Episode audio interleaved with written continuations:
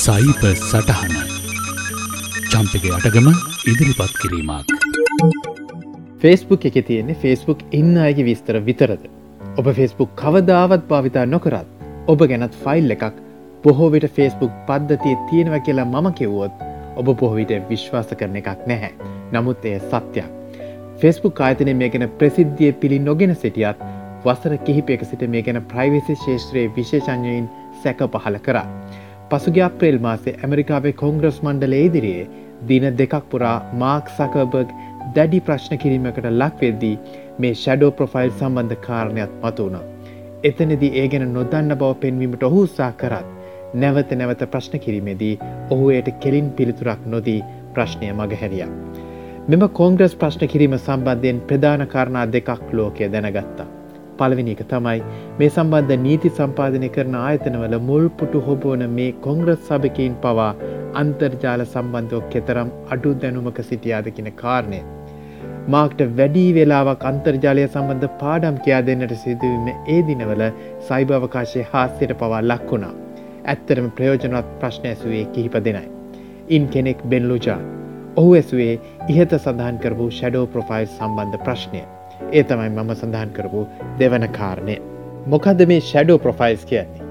Facebook ගිනිමක් නැතියගේ විස්තර කොහොමද ෆෙස්බුක් එක තියෙන්නේ.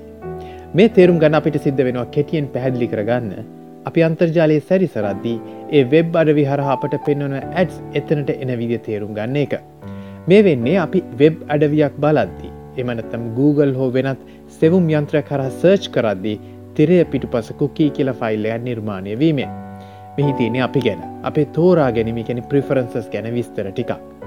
මේක තියෙන අපේම හොඳට මොකද අපි යම් පිටුවක් බලද්දී සිංහල තෝරා ගත්තොත් භාෂාව විදියට පස්සෙ දවසක ඒ වෙබ් අඩිවියටම යනකොට භාෂාව නැවත තෝරන්න වෙන්නේ නැතිව සිංහලම තියෙනව නම් ඒ අපට පහසුවක්.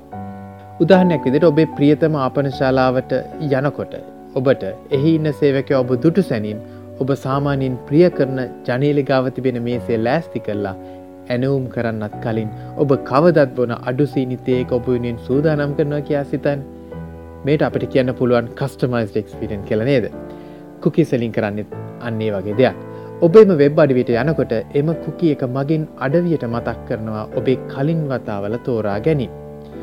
මේ කුකිස්වලට ඇහගාගෙනන්න වෙළඳ දැන්වීම මෙහමන අඩවී කියෙන ඇඩටයිසස්ලා.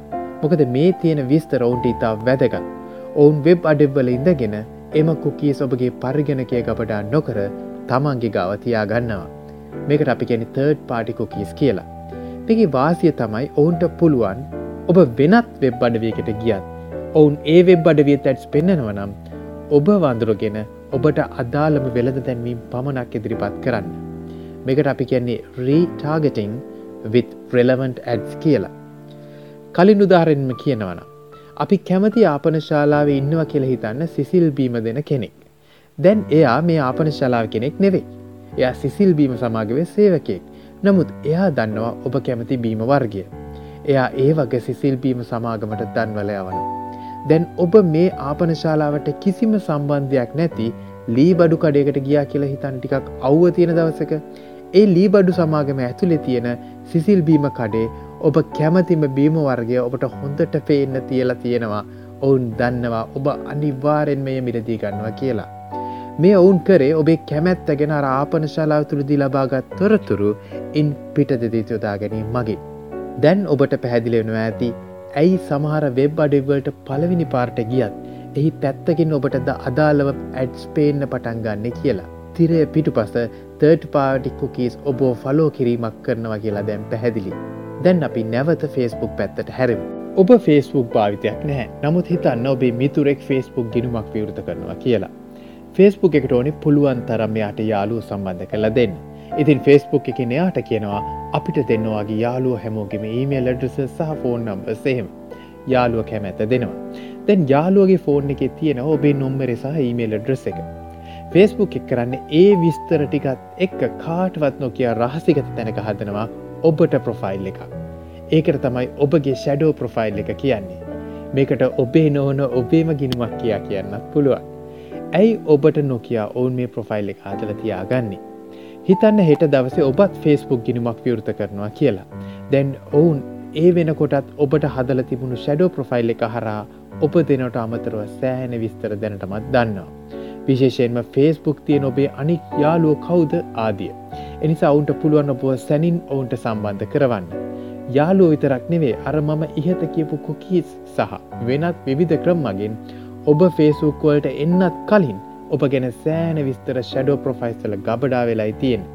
මේ පැහැදිලොම ඔවුන් කරන්න ඉතාම කාරක්ෂමව මිනිසුන් එකිනෙකා සමඟ ජාලගත කරවන්න.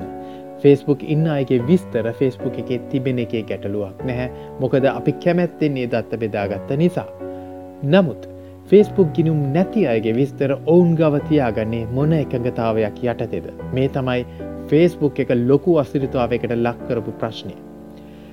දැන් ඔබට ගැටලුවක් එනවා ඇති ඔබේ පැත්තෙන් යමක් තියද මේ සම්බන්ධව කරන්න කියලා.